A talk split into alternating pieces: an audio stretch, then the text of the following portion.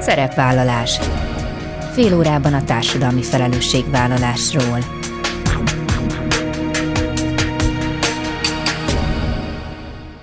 Jó napot kívánok! Bíró Bori köszönti Önöket. Adásainkban hétről hétre példákat hozunk arra, hogy egy-egy cég vagy intézmény, netán magánszemély, milyen formában, milyen eszközökkel járul hozzá anyagi gondok, társadalmi problémák orvoslásához, az életminőség javításához, a fenntartható fejlődéshez. Így módon is kifejezve, hogy felelősséget érez azért a környezetért, amelyben él és dolgozik. Az egyszázalékos felajánlás továbbra is a civil szervezetek egyik legfontosabb bevételi forrása Magyarországon. Sok szervezet léte múlik azon, hogy a magánszemélyek rendelkeznek-e az adójuk egy százalékáról. A NIOK alapítvány minden évben elemzést készít az 1 plusz 1 százalék felajánlások kapcsán elérhető adatokból. Az összesített statisztika alapján látszik, hogy 2022-ben 23,3 milliárd forint feletti összeget tettek ki ezek a felajánlások. Ebből közel 11 milliárd forint jutott civil szervezetekhez, ami 400 millióval haladja meg a tavait. Az egyházak esetében az összeg körülbelül 2 milliárd forinttal nőtt. Az elemzésből az is látszik, hogy míg a civil szervezeteknek felajánlók száma csökkent 2022-ben, az egyházaknak felajánlók száma 130 ezerrel nőtt. Stigel Andrea a NIOK senior programvezetője segít eligazodni a részletekben. Három eltérő hátterű önkormányzattal, Óbuda Békás megyerrel, Szentendrével és Terézvárossal működött együtt a Transparency International Magyarország tavaly november és 2022. szeptembere között a helyi részvételi költségvetési folyamatok átláthatóságának és nyilvánosságának javítása céljából. A projekt kapcsán egy tanulmányt is megjelentettek. A mások számára is fontos tanulságokról és tapasztalatokról Ceisler Judit a Transparency projekt menedzsere mesél. Ezek a mai témáink. Tartsanak velünk! Minden évben készít elemzést a NIOK alapítvány az 1 plusz 1 százalékos felajánlások kapcsán, illetve az azok kapcsán elérhető adatokból, és ezt fogjuk most elemezni a következő néhány percben Szigel Andreával, az alapítvány szenior programvezetőjével. Szerbusz Andi! Szia, köszönjük a lehetőséget. Alapvetően nekem két megállapítás szúrta ki a szememet az idei elemzésből. Az egyik az az, hogy összességében csökkent a felajánlók száma, az 1%-os felajánlók száma 2022-ben, de a felajánlott összeg nőtt, ez volt az egyik, a másik pedig, hogy az egyházaknak felajánlott összeg az nőtt, tehát összegszerűen is nőtt, és a felajánlások számát tekintve is. Azt lehet mondani, hogy ez két alappillér volt a meghatározó 2022-ben?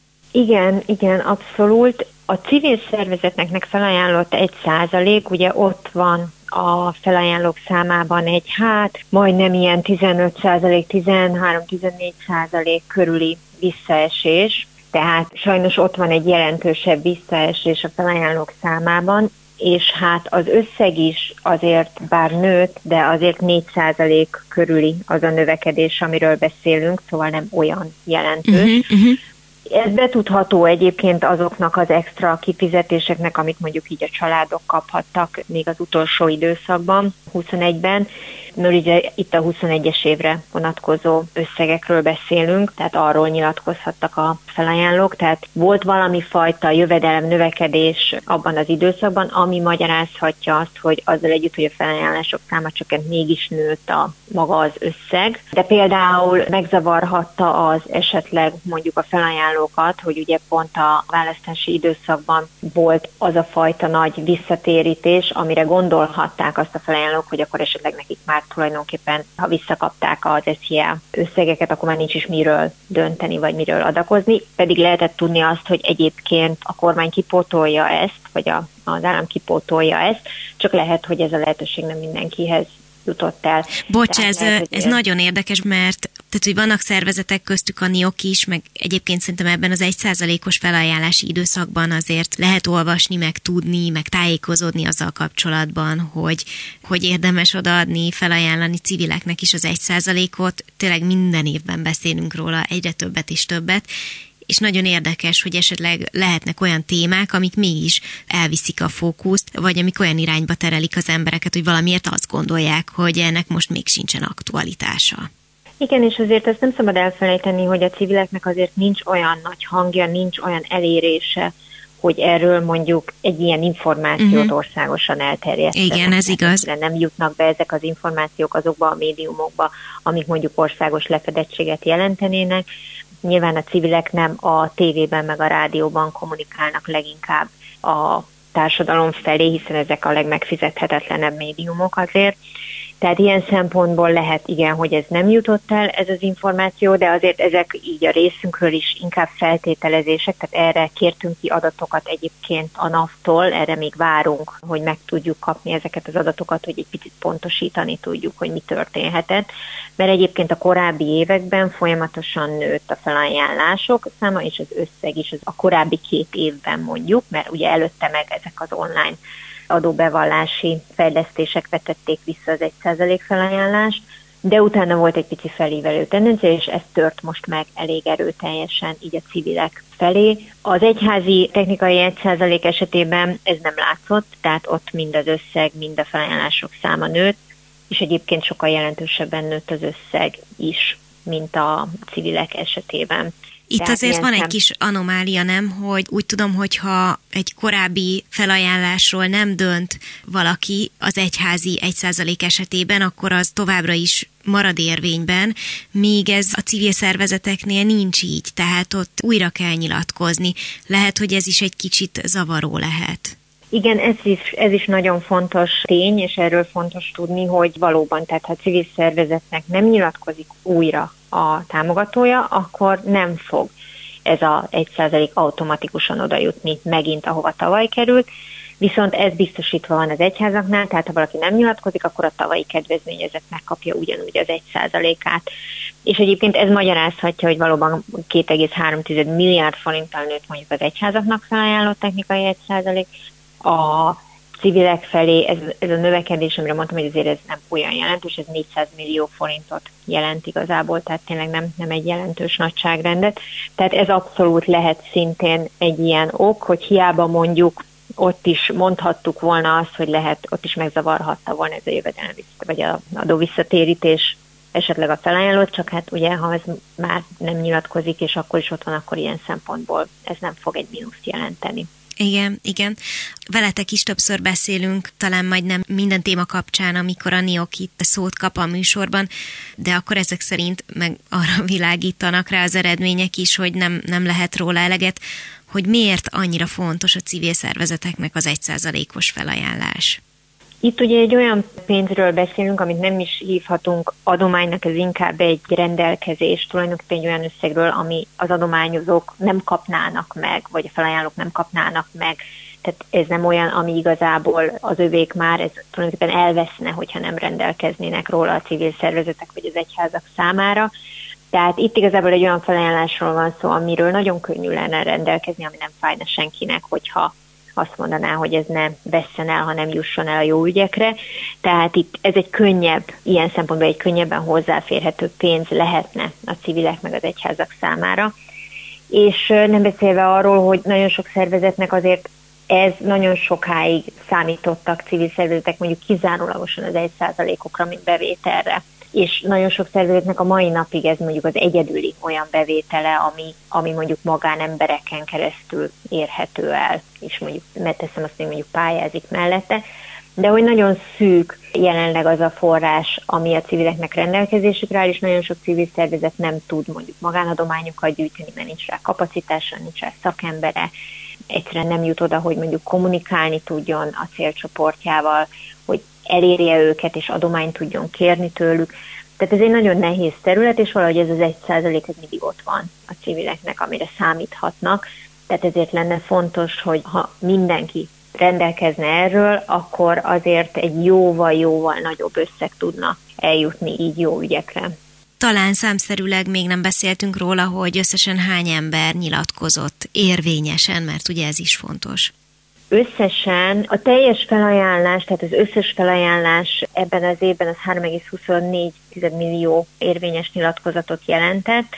Ebből egyébként 1,44 millió volt, ami a civilek számára felajánlott összeget jelentette, egyébként tavaly ez 1,66 volt, tehát itt látszik a visszaesés, és 1,82 millió volt az, ami az egyházak számára felajánlott technikai 1%-ot jelentette.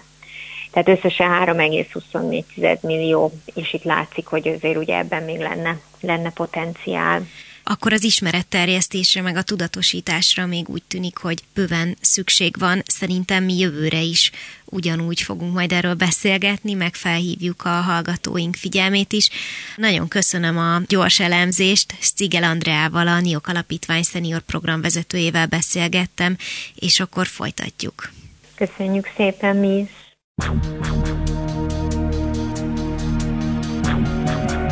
Szerepvállalás fél órában a társadalmi felelősségvállalásról.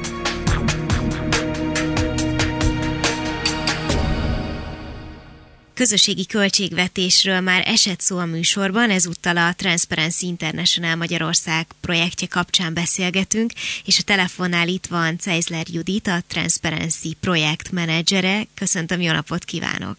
Jó napot kívánok, köszönöm szépen a meghívást! Annak ellenére, hogy szerintem, vagy legalábbis amit én a saját szemüvegemen keresztül látok, hogy egyre terjed, és talán egyre többen is ismerik ezt a módszert, szerintem azért érdemes lenne az elején szótejteni arról, hogy mi fán is terem a közösségi költségvetés. Igen, így van, Magyarországon is egyre több helyen találkozni már ezzel a módszerrel. Alapvetően maga a módszer a dél-amerikai Porto Alegre városából indult, és alapvetően ugye arról szól, hogy a döntést a helyi lakosok közébe helyezzük, tehát ők maguk közvetlenül tehessenek javaslatot arra, hogy mit szeretnének fejleszteni a környezetükben, és miután javaslatokat tettek erre, ők maguk választhatják ki azt, hogy mely javaslatok valósulhatnak meg, tehát szavazhatnak arról, hogy milyen javaslatokat valósítson meg az önkormányzat, a helyi önkormányzat a környezetükben. Ez tehát az úgynevezett deliberatív demokráciának egy, egy fontos módszerévé vált, ami arról szól, hogy a képviselők helyett maguk a helyi lakosok gyakorolhassák a demokráciát közvetlenül. Ugyanez a mostani megközelítésből inkább modernnek tűnik, de az alapján, amit mesélt, van egy olyan megérzésem, hogy ez mégiscsak egyfajta ilyen ősi forma. Tehát olyan értelemben gondolom, hogy azért az, hogy egy bizonyos közösség, és most beszéljünk egy településről, vagy egy kerületről, de hogy, hogy van egy szükebb vagy egy tágabb közösség, akkor valahol az talán egészen egyértelmű kellene, hogy legyen, hogy az őket érintő fontos döntésekben ők is részt vesznek valamilyen formában, tehát azért ez nem ilyen egyszerű, meg, meg ez eléggé elkopott a, az elmúlt évtizedekben. Igen, mi is azt tapasztaltuk, hogy mindkét fél részéről, tehát az önkormányzat részéről és a lakosok részéről is ez egy kölcsönös tanulási folyamat, ugyanis mindkét fél elszokott attól, hogy közvetlenül személyesen kommunikáljon, és az önkormányzatra inkább egyfajta fekete dobozként tekintenek a lakosok, ahogy az egyik önkormányzati szakértő megfogalmazta nekünk az erről szóló projektünk során. Tehát az is látszik, hogy alapvetően az önkormányzatoknál nem alakultak ki ezek a csatornák, ahol ugye közvetlen döntési helyzetbe hozhatják az állampolgárokat, hozzá kell szokniuk maguknak is ahhoz, hogy ezeket a csatornákat bevezessék a mindennapokba, és a lakosság számára szintúgy nem természetes az, hogy az önkormányzat szakértőivel kommunikáljanak, és hogy időt szánjanak arra, hogy kitalálják azt, hogy mivel szeretnék jobbá tenni a környezetüket. A tapasztalatok alapján vannak olyan témák, amiket kifejezetten érdemes, és mondjuk olyanok, amelyeket kevésbé ezzel a módszerrel vizsgálni és körbejárni? Alapvetően ugye a részvételi költségvetés a helyi fejlesztésekre koncentrál, tehát azokra a helyi javaslatokra, amelyek jobbá tehetik a környezetet, a lakókörnyezetet. Itt ugye Magyarországon általában mi most annak a projektnek a kapcsán, amiről egyébként most beszélgetünk, három önkormányzattal dolgoztunk együtt, Óbuda, Békás megyer, Szentendre és Terézváros önkormányzatával, és azt tapasztaltuk, hogy alapvetően ugye meglehetősen korlátozottak a, az anyagi és emberi erőforrás beli lehetőségei az önkormányzatoknak. Tehát ezek alapvetően behatárolják azt, hogy mire elég az a költségvetés, amit az ilyen projektek megvalósítására szántak. Nagyon sok helyen maguk a lakosok is sokszor nem a legkreatívabb ötleteket valósítják meg, vagy ezekre szavaznak, nem ezeknek a megvalósítására szavaznak, hanem inkább szükségszerű javítási, út, útburkolat javítási munkálatokat, vagy éppen óvodafejlesztéseket priorizálnak kreatívabb, vagy éppen közösségépítőbb javaslatok helyett. Tehát úgy látjuk, hogy még van hová fejlődnie ennek a módszernek Magyarországon is, Ugyanakkor az is látszik, hogy több helyen próbálják arra használni ezt a módszert, hogy valóban ne csak az önkormányzatnak a feladatait tudják kipótolni ezzel az eszközzel, hanem például Terézvárosban kifejezetten szempont volt az, hogy közösségépítő és fenntartható ötletek valósuljanak meg. Így most, bár itt csak majd októberben zárul a maga a folyamat, és akkor fognak a lakosok szavazni a szavazólapra kerülő javaslatokról, de például nagyon sok olyan közösségépítő és fenntartható javaslat került a szavazólapra, mint például komposztáló ládák megvalósítása, vagy például a helyi kultúrát erősítő bemutató táblák kihelyezése a kerületben. Említette, hogy ebben a projektben három önkormányzattal dolgoztak együtt. Hogyan találtak egymásra egyrészt, és mik voltak a, a projektnek a sarokpontjai, és ez talán azért is lehet érdekes, mert gondolom, hogy igyekeztek bizonyos tanulságokat megfogalmazni, hogy amennyire csak lehet a jövőben, majd lehessen ezt még inkább népszerűsíteni, tágítani ezt a módszert. Szóval, hogy hát akkor talán kezdjük azzal, hogy, hogy hogyan került a projektbe a, a már említett három önkormányzat.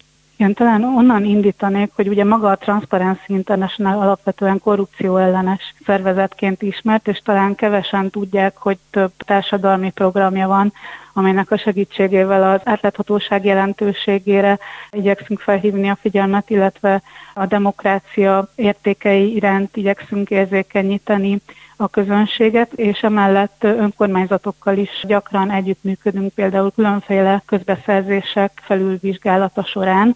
Ez a projekt számunkra is egy fontos lépés volt abban a tekintetben, hogy a demokrácia intézményét közelebb hozzuk a helyi lakosokhoz, és maga a projekt az egyébként az Egyesült Államok nagykövetségének a támogatásával valósult meg, és három olyan önkormányzatot kerestünk, akik alapvetően különböző tapasztalattal rendelkeznek a közösségi költségvetés területén.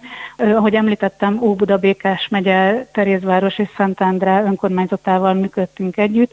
Óbuda Békás megyernek már jelentős tapasztalata van közösségi tervezési projektek megvalósításában, és maga a közösségi költségvetés is két éve fut náluk, ez volt a harmadik év, hogy megvalósult náluk ilyen program. Szentendrén a második évbe csatlakoztunk be, Terézvárosban pedig az első ilyen év volt, úgyhogy ezáltal ez egy fontos fórum is volt mindhárom önkormányzat számára, hogy a különböző tapasztalataikat megoszthassák egymással, és ne csak elszigetelten működtessék ezeket a programokat. Uh-huh, tehát akkor ők együtt is gondolkodtak, vagy próbálták egymást segíteni?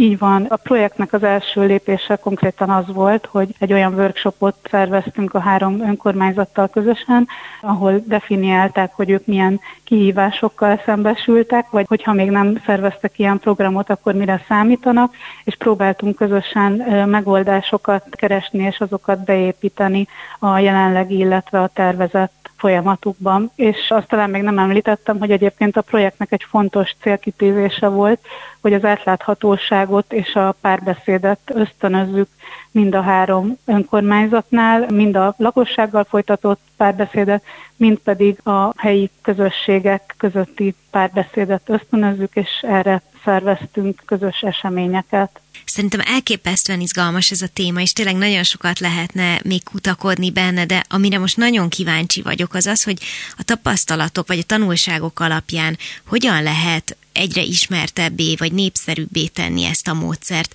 Mert valahogy ez a megérzésem, hogy egy egészen új dolgot kell megmutatni, megtanítani, ismerté tenni a lakosság és az önkormányzatok számára is, aminek a bevezetése vagy elterjesztése egyáltalán nem lehet olyan egyszerű. Igen, mi is ezt tapasztaltuk, sőt maguk az önkormányzatok is az egyik legfontosabb kihívásként említették azt, hogy hogyan juttassák el ezt a módszert a lakosokhoz, hiszen a részvételi költségvetés az egy rendkívül absztrakt fogalom, és talán nem túl vonzó szópárosítás ezt a fogalmat meghallani. Ugyanakkor meg ugye csak arról van szó, hogy maguk a lakosok dönthetnek arról, hogy mire szeretnék elkölteni az önkormányzat költségvetésének egy bizonyos részét. Úgyhogy ez is egy fontos tapasztalata volt a projektnek, hogy mik azok a kommunikációs csatornák, amelyekkel a mai nagy kommunikációs zajban el lehet juttatni ezeket az üzeneteket és maguknak a projekteknek a létezését a lakosokhoz. És hát erre az bizonyult az egyik legfontosabb csatornának, hogy az önkormányzata már meglevő rendezvényein próbálja például népszerűsíteni ezeket a programokat, és úgy tűnt, hogy a lakosság számára valóban fontos mind maguknak, ezeknek a programoknak a léte, mind pedig az a lehetőség, hogy személyes kapcsolatot alakíthasson ki az önkormányzat munkatársaival, és a szakértelmét igénybe vegye. Akkor ezek szerint van remény arra, hogy egyre többen megismerik, és egyre többen fogják ezt megszeretni is, remélhetőleg a jövőben. Még arra lennék kíváncsi, hogy úgy tudom, hogy megjelentettek egy tanulmányt is. Van arra esély, hogy ennek révén, meg egyébként a tapasztalatok, meg a szóbeszéd révén mások is kedvet kapnak majd a, a jövőben a közösségi költségvetéshez? Hát mi reménykedünk benne, hogy ez így lesz. Velünk is már vette fel más vidéki önkormányzat a kapcsolatot annak érdekében, hogy megismerjék a tapasztalatokat, és elinduljon náluk is egy hasonló program. Nyilván minden önkormányzatnál a korlátozott kapacitások, amelyeket említettem, azok gátat szabhatnak egy ilyen program elindulásának. Számunkra az egy fontos tapasztalat volt a projekt kapcsán, hogy ezek a programok, még ha el is indulnak, akkor se elszigetelt programokként működjenek, hanem a részvételiség szemlélete az áthassa az egész önkormányzat működését. Tehát ne csak egy kommunikációs projekt vagy egy administratív projekt legyen az önkormányzat számára, hanem a többi folyamatba is át tudja emelni azt a szemléletet, hogy közvetlenül megszólítja a lakosságot.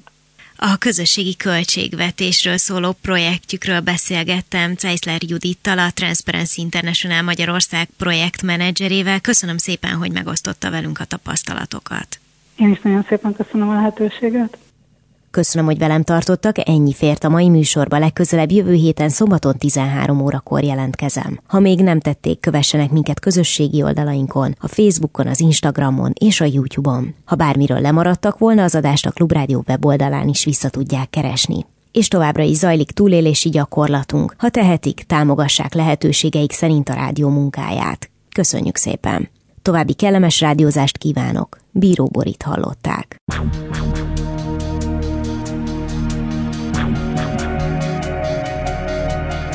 A Szerepvállalás című műsorunkat hallották.